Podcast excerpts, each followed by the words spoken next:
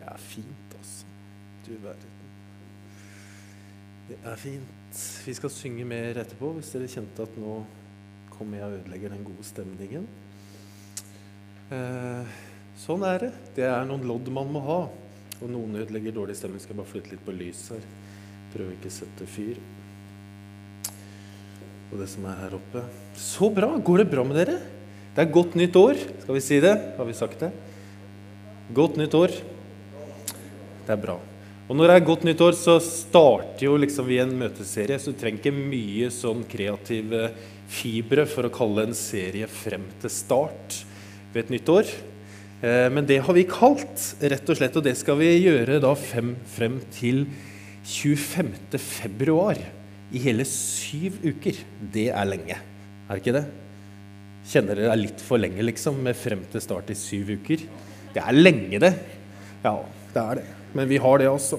Det er ikke noe vei tilbake heller, egentlig. For det er jo sånn at uansett hvordan, hvor, vi, hvor vi er, da, så starter vi fra et sted. Alt har liksom et startsted. Um, alt starter jo med noe. Hvert enkelt menneske starter med noe. Om det er en idé, eller om det er frø, eller en sånn tegning av Mikke Mus, eller hva det er. Alt har jo en start. Og så er det jo ofte sånn at når vi først har tatt liksom steget ut fra start, så er det veldig vanskelig å gå tilbake igjen dit vi kom fra. Det er nesten umulig. Um, så er det jo noen av disse stegene som er enkle, eh, og noen som er helt sånn naturlige. Det kommer av seg selv. Men så er det også noen som er vanskelige. Noen vi, helst vil, eller noen vi helst vil slippe å ta av sånne steg. Eh, men når man da har tatt dette steget ut fra start, så kan man vanskelig gå tilbake igjen. Og da kan man jo velge, da, når man først har kommet dit. Skal jeg bli stående her? Det, jo, det kan vi gjøre og synes det er fint. Eller skal vi ta noen skritt til? Det er jo sånn at Du kommer jo fra et sted, om du vil eller ei. Eh, så fra dine foreldres perspektiv da, så kan det jo hende at du var ønska.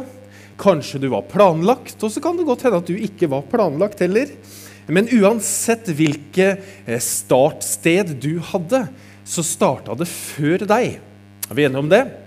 Det starta med foreldrene dine. Så er det jo mange forskjellige typer start. Altså Skolestart er jo start, ny oppstart på BIM er en start. Og hvis vi starter i ny jobb Jeg snakka med en i går som skulle begynne i ny jobb når hun var ferdig med noen permisjonsting. og Det er jo en ny start. sant? Starte i ny jobb. Og så er det til og med all, liksom, all vår erfaring, all vår kunnskap, har jo et, også et startsted. Det kommer jo fra et sted. Eh, og sånn er også med troen vår, og det er det vi skal snakke om disse syv ukene. At troen vår har et startsted. Og For mange mennesker i Norge, og kanskje mange her, så starta troen vår i barndommen.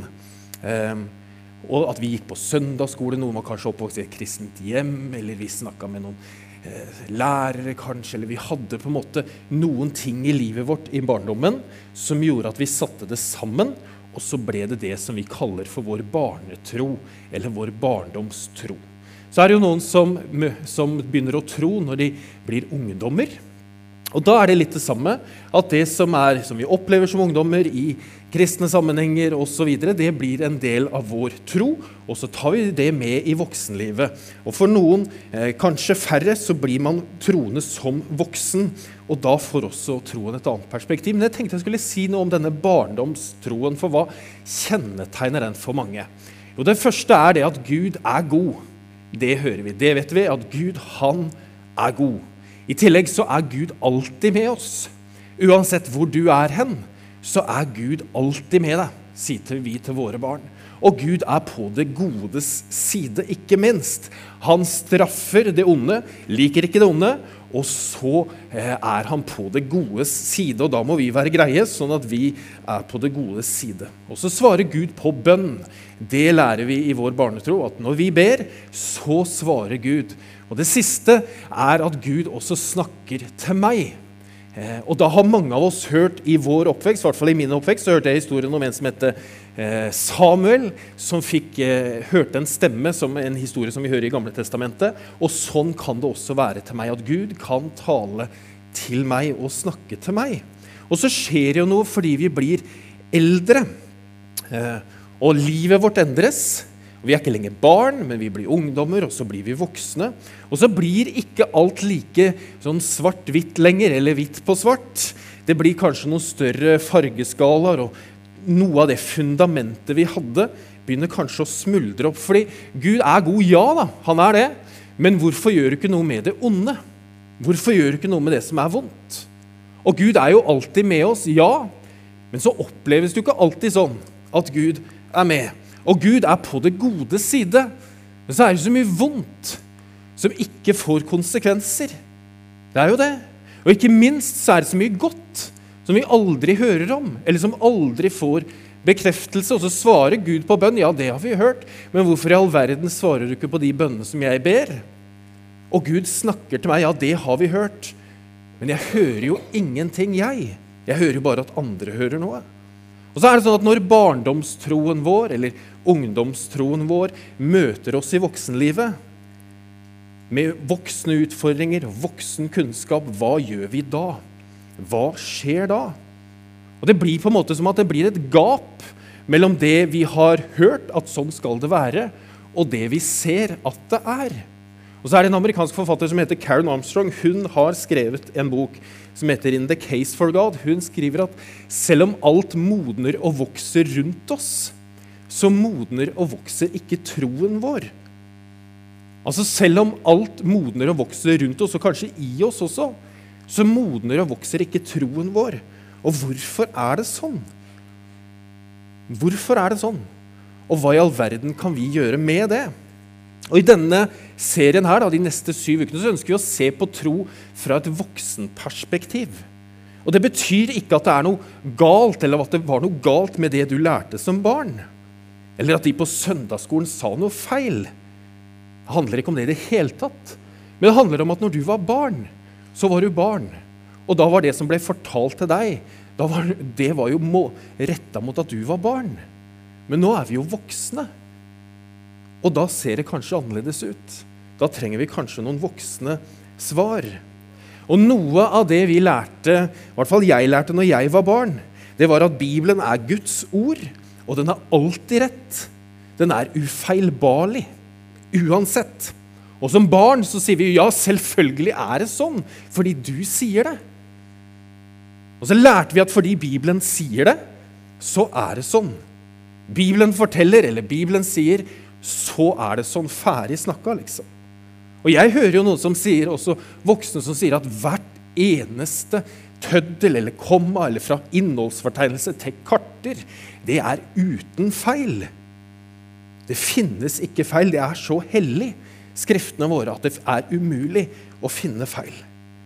Men så er jeg skrudd sammen sånn at jeg får noen spørsmål som voksen person og tenker er det virkelig så enkelt? Og hvem var det egentlig som var eh, Hvordan blir det? Eh, mor eller kone til barna til Adam og Eva, så de fikk liksom videre barn. Hvem var det egentlig? Og var de nakne hele tiden, liksom? Og hva med Jonah og fisken og disse historiene? Og, og hvis jorden bare er 6000 år etter en bibelsk eh, tidsregning, hva da med dinosaurene? liksom? Hvor kommer de inn hen?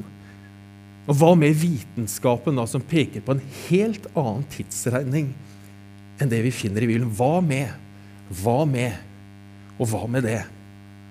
Så kan vi spørre oss da er alt i Bibelen like viktig. Det går an å spørre om.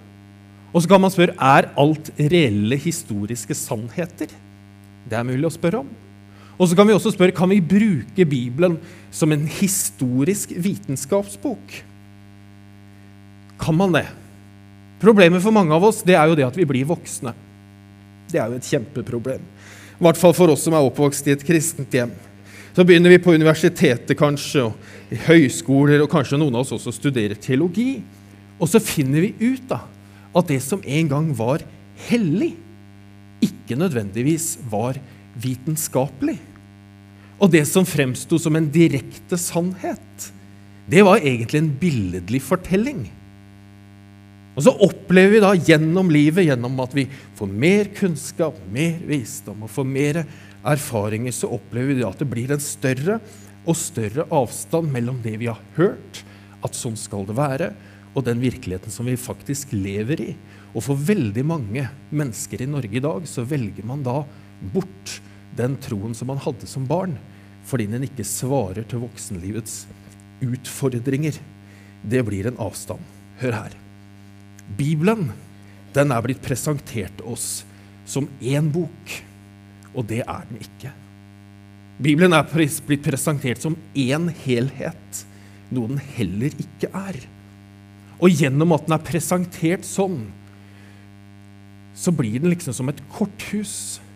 At hvis vi finner noen motsetninger, eller hvis vi finner noe som vi ikke får til å stemme med det man finner ut av vitenskapelig, og hvis man da tar ut det og setter spørsmålstegn ved det, så faller alt sammen. Og så blir det som en sånn eh, skjør tro som ikke bærer i det hele tatt. Et skjørt byggverk som ikke tåler spørsmål, som ikke tåler å bli sett kritisk på. Og så har vi en utfordring, fordi Paulus skriver i et av sine brev at troen vår er som en kraft som kan flytte fjell. Og så tenker jeg, Hvordan kan en tro være en kraft som kan flytte fjell, hvis den er så skjør som et korthus at den ikke tåler å bli blåst på? Da er det ikke mye kraft. Dette skal vi snakke om de neste syv ukene. Dere, Blir ikke det fint? Jo, det blir fint. Og da, er det sånn at da kommer du garantert til å få høre noe du har hørt før. Eh, og du kommer kanskje til å høre noe du ikke har hørt før. Og så kommer du til å høre noe som kommer til å provosere deg noe så saftig Eh, at du lurer på hva i all verden skal jeg gjøre med det. Eh, og da er det så fint at vi kan være i smågrupper alle sammen, og så kan vi snakke om det der. ikke sant? Og så kan vi bare bli så sint på Martin når han sier sånn. Det er jo ikke sånn. Og det er så bra hvis vi kan snakke om dette i grupper, for her er det mange ting. altså. Kjempegøy blir det. Så jeg håper jo at du kommer da de neste syv ukene på gudstjenesten, møter opp og er her og får det med deg. Og så er du så heldig at hvis du ikke er her, så legger vi det ut på både podkast og nettside, så får du det med deg. Og I dag skal jeg utfordre deg på en ting som jeg håper at jeg ikke får sparken etterpå. Eh, det er jo litt sånn risiko, det, men jeg skal utfordre deg på ett utsagn. Og, eh, og, så skal vi se på en bibeltekst litt sånn på slutten. Også så vet du hvor vi går hen. Men dette utsagnet som jeg skal utfordre deg på, er dette. Hvis det funker. Der. At Bibelen sier, Bibelen forteller, det er ikke et godt utgangspunkt for å starte eller for å returnere til troen for mange mennesker. Altså Bibelen sier, eller Bibelen forteller, det er ikke noe godt utgangspunkt for å starte eller for å returnere til troen for mange mennesker. Det er mye bedre enn det. Jeg vet ikke hvordan det er med dine venner, dine venner som ikke tror. Eh, men jeg tviler på at for mange av dem så holder det at du sier ja, men du må jo tro på det fordi Bibelen sier det. Da blir det litt sånn Det betyr jo ingenting. Det betyr ikke noe. Fordi det er jo sånn at Bibelen for mennesker i Norge, Skien og mine venner, har jo liten eller ingen autoritet lenger. Det er jo ikke sånn at vi kan si fordi Bibelen sier det, så er det sånn. Men kanskje de heller sier at men før du kommer med bibelversene dine, kan ikke vi heller bruke litt tid sammen, så kan, for, så kan jeg fortelle deg om det jeg strever med? Om relasjonene mine som jeg syns er vanskelig, om ekteskapet mitt som vi strever i, eller jobben min som jeg ikke fikser, eller økonomien som ligger nesten i grus, og vet ikke hvordan vi skal gjennomføre dette.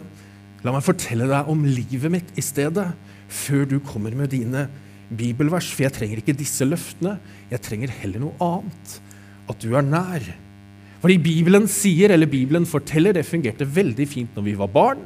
For da var det noen voksne som sa det til oss, og vi sa ja, selvfølgelig, sånn er det. Men når vi blir voksne, så blir det annerledes. Men de gode nyhetene her er jo da at Bibelen sier, eller Bibelen forteller, var jo aldri ment til å være utgangspunktet for den kristne troen. Nytestamentet, som vi har i dag i Bibelen, den siste delen, ble jo ikke satt sammen før ca. 350 år etter Jesu fødsel. Og begrepet Det nye testamentet ble jo ikke brukt før ca. 250 år etter Jesu fødsel. Og da, i 250 år, så var det jo ingen som kunne si 'Nytestamentet forteller' eller 'Nytestamentet sier', fordi de, det fantes ikke. Ja, de hadde brev, de hadde dokumenter, de hadde evangelier som ble, som ble distribuert. Men de var jo ikke samla i én en enhet før ca. 350 år etter Jesu fødsel. Og så har jeg på det. Hvordan er det mulig, liksom? Hvordan var det mulig for så mange mennesker å gi så mye av livet sitt til denne troen? Det var mange som ga livet sitt for den. De fant ut hvordan de skulle leve, hvordan de skulle forholde seg til hverandre. De samla seg i kirker og hjem, men de hadde ikke noen bok som de samla seg rundt, for den fantes ikke. Hvordan var det mulig? Å leve et liv i troen på Jesus Kristus når det ikke var noe bok å tro på? Og I dag skal jeg da prøve å svare på det. Fordi deres utgangspunkt det kan faktisk også være vårt. Og det kan være ditt til å finne tilbake til troen. Og så handler det om ikke det, som jeg har sagt, at søndagsskolen, lærerne dine, gjorde noe feil. Men det handler om, tror jeg, at det er mangelfulle overganger mellom en barnetro og en moden voksen tro. Som gjør at vi lever med en barnetro i hjertet, og så har vi voksne erfaringer, vi har voksen kunnskap, eh, og vi har det voksne livet med oss. Og det blir for mange av oss fullstendig feil å leve sånn. Eh, og så tenker jeg Hvis det funker fint for deg, så er det Gud velsigne deg, altså. Så er det fint. Men jeg tror for mange så møter vi disse utfordringene. Og når jeg hører noen som sier ja, jeg har jo bevart barnetroen min, da blir jeg faktisk litt bekymra. Fordi jeg tenker hvordan kan den barnetroen stå seg i møte med voksenlivets utfordringer og det vi møter? Og I dag skal vi lese en historie om en som heter Paulus, som har skrevet eh, omtrent halve Det nye testamentet. og Han hadde en samtale med en gruppe mennesker som ikke trodde.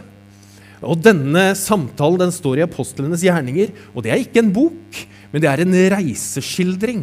En reiseskildring som Lukas, som også har skrevet Lukasevangeliet, har skrevet. Og Lukas han var lege. Eh, og skrev på den måten som en lege skriver. Og så tror vi faktisk, eller ikke vi, da, men bibelforskere tror at apostelens gjerninger er skrevet ned ca. 20 år etter Jesu død. Og Det betyr at den faktisk er skrevet før Matteusevangeliet, før Markusevangeliet, før Lukas og før Johannes. Og Dermed tror man at apostlenes gjerninger er det eldste dokumentet som vi har, eller som er samla i Det nye testamentet. Og Lukas han var da en mann som visste det han visste, ikke pga. det som var skrevet, men pga. dem han kjente. Og han kjente jo gutta. Han kjente Peter, han kjente Johannes, han kjente Jakob, som var broren til Jesus. Altså Han visste det han visste, ikke pga. det som var skrevet ned, men pga. dem han kjente. Uh, yes. Og nå befinner da Paulus seg i Aten. Og Der begynner han en samtale som eh, Lukas da har skrevet ned for oss. Og Målet nå er ikke nødvendigvis at du skal tro at dette er sant, men målet er at vi skal se på hvordan Paulus snakker til denne gruppen av mange mennesker som ikke tror. Og når vi dykker litt ned i hvem de er, så ser vi at de er ganske like mange som er rundt oss, tror jeg. Fram til nå så hadde jo Paulus eh, skrevet Nei, eh, reist rundt og snakka med jøder og hedninger. Og hedningene var de som jødene eh, sa ikke var jøder, altså at alle andre bortsett fra de. Og nå beveger, og først og fremst de som var liksom en del av Romerriket og rundt den settingen der. Men nå beveger han seg da til Aten. Og i Aten så er liksom intelligentens høyborg. Der er de tenkende, der er filosofene, og de har jo påvirka vårt samfunn og vår tenkemåte med logisk tenkning, hva som er liksom ulogisk og logisk, og hva eh, meningen med livet var og er. Altså filosofiens vugge og tankesmiens vugge, og alt det er i Aten. Og det er her Paulus nå er. Eh, med de atenske skolene og Sokrates og mye sånn kjempespennende. vet du, Men det er på veldig nerdenivå, så jeg skal ikke gå ned, lenger inn i det. Men vi skal se på den teksten. skal vi se. Der, vet du. Der, oi, oi. Vi skal lese hele, faktisk. Den er ganske lang. Men vi begynner i starten. Mens Paulus ventet på dem, altså det var de andre som kom med ham, i Aten ble han rystet i sitt innerste over å se at byen var full av gudebilder. For det var den. Det var masse gudebilder, det var masse statuer, det var masse byggverk, det var masse idoler. Det var masse eh, gudebilder som han ble rysta av å se. Og i, ja, i synagogen førte han samtaler med jødene og dem som dyrket Gud. Og på torget snakket han hver dag med dem han traff der. Noen av de epikureiske og stoiske filosofene diskuterte med ham, og noen sa, hva er det egentlig denne pratmakeren har å si? Men andre mente han er visst en som forkynner fremmede guder. Det var fordi han forkynte evangeliet om Jesus og oppstandelsen. Jeg skal bare se, si kort om hva epikurerende og de stoiske filosofene var. Epikurerende de hadde en teori om at gudene og menneskene var langt fra hverandre. Det var lang avstand mellom guder og mennesker. Og Det betydde at man måtte leve livet sitt så godt som man kunne. Eh, og For de spesielt så handla det om at de levde et stille og rolig liv, hvor eh, fokuset på livet var å få maksimal tilfredsstillelse til enhver tid, men det skulle være i et stille og rolig liv. De stoiske derimot, de mente eh, at det guddommelige eksisterte i den nåværende verden og i hvert enkelt menneske. Og da Et godt menneskelig liv ville da innebære at man lever i sammenheng og fullstendig harmoni med denne guddommeligheten som er da både i universet og i oss. Eh, så står det videre Oi sann. Eh, da tok han med Da skal jeg lese fra paden. Det går bedre, vet du. Da tok de ham med seg og førte ham til Areopagos og sa:" Kan vi få vite hva slags ny lære du kommer med? For det er egentlig merkverdige ting vi hører, og vi vil gjerne vite hva det egentlig dreier seg om. Verken atenerne eller utlendingene som bor der, bruker tiden til noe annet enn å fortelle og høre siste nytt. Da sto Paulus fram for Areopagosrådet og sa:" Areopagosrådet var jo den høyeste rettsinstansen i Aten. og Det høres jo veldig trivelig ut, men var ikke så trivelig som det høres ut. Og Så var det oppe på en høyde, og så kunne man se ned da, på markedsplassen og på det tempelet som heter eh, Akropolis. Eh, og, og i og med at det er, det, høres, det er ikke så hyggelig som det høres ut. Fordi, fordi, Sokrates hadde nemlig advart mot dette. altså Disse som kom utenifra eh, og skulle skape noe i disse samfunn. Og det de egentlig lurte på, var om man For det første så var de jo veldig nysgjerrig på hva han kom med for å få vite det. Men samtidig så var de veldig skeptiske, for de var redd for at han skulle ødelegge noe som var viktig for dem. At det skulle bli en sånn eksklusivitet i det. Eh, at det skulle egentlig være med på å, en fare for deres samfunn. Da, sånn at de er ganske skeptiske. Og så begynner Paulus på denne talen, eh, som jeg ikke skal kommentere så mye underveis, før på slutten. Eh, men når vi leser den, så, så, så ja, ja, ja, følg med når vi leser. Rett og slett. Det var veldig fint sagt. Atenske menn. Jeg ser at dere på alle måter er svært religiøse. For da jeg gikk omkring og så på helligdommen deres, fant jeg et alter med denne innskriften for en ukjent gud. Det som dere tilber uten å kjenne, det forkynner jeg dere. Gud, han som skapte verden og alt som er i den, han som er herre over himmel og jord, han bor ikke i templer reist av menneskehender. Han trenger heller ikke noe av det som menneskehender kan tjene ham med. Det er jo han som gir liv og ånde, ja, alt til alle. Av ett menneske har han skapt alle folkeslag. Han lot dem bo over hele jorden, han satte faste tider for dem og bestemte grensene for deres områder. Dette gjorde han for at de skulle søke Gud, om de kanskje kunne lete seg fram og finne ham. Han er jo ikke langt borte fra en eneste en av oss. For det er i ham vi lever, beveger oss og er til, som også noen av deres diktere har sagt, fordi vi er hans slekt.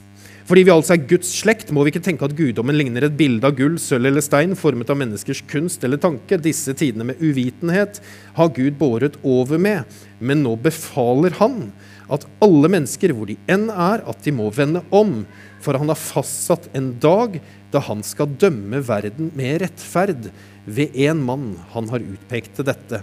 Da har han bekreftet for alle mennesker ved å reise ham opp fra de døde. Det har han bekreftet for alle mennesker ved å reise ham opp fra de døde. Paulus sier at dette har jeg ikke lest om. Dette har jeg ikke studert meg til. Men jeg kjenner de som har sett det.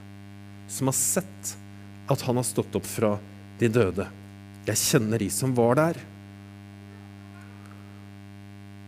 Da de hørte om oppstandelsen fra de døde, Areopagosrådet, så falt de på kne Og så ba de om tilgivelse, og så ble det en vekkelse i dette Areopagos-rådet, hvor de knuste alle gudebildene sine, og så vendte de om til Gud og sa 'tilgi oss', nå vil vi følge Israels Gud. Er det det det står? Står ikke det, vet du. For det som står, er at da de hørte om oppstandelsen fra de døde, gjorde noen narr av ham. Gjorde narr av Paulus. Mens andre sa hm, vi vil gjerne høre dem tale mer om dette en annen gang. Og så gikk Paulus fra dem. Det var det som skjedde. Det var ikke noe sånn at Areopagos-rådet bare tenkte wow, dette kjøper vi hele pakka. Nei, nei, De gjorde narr av ham. Men så var det noen som undra seg litt og tenkte ja, dette vil vi høre mer om. Og så står det at det var noen få eh, som slutta seg til ham. For en stund siden så, så jeg Magnus Carlsen på TV. Da spilte han sjakk mot 20 spillere på en gang.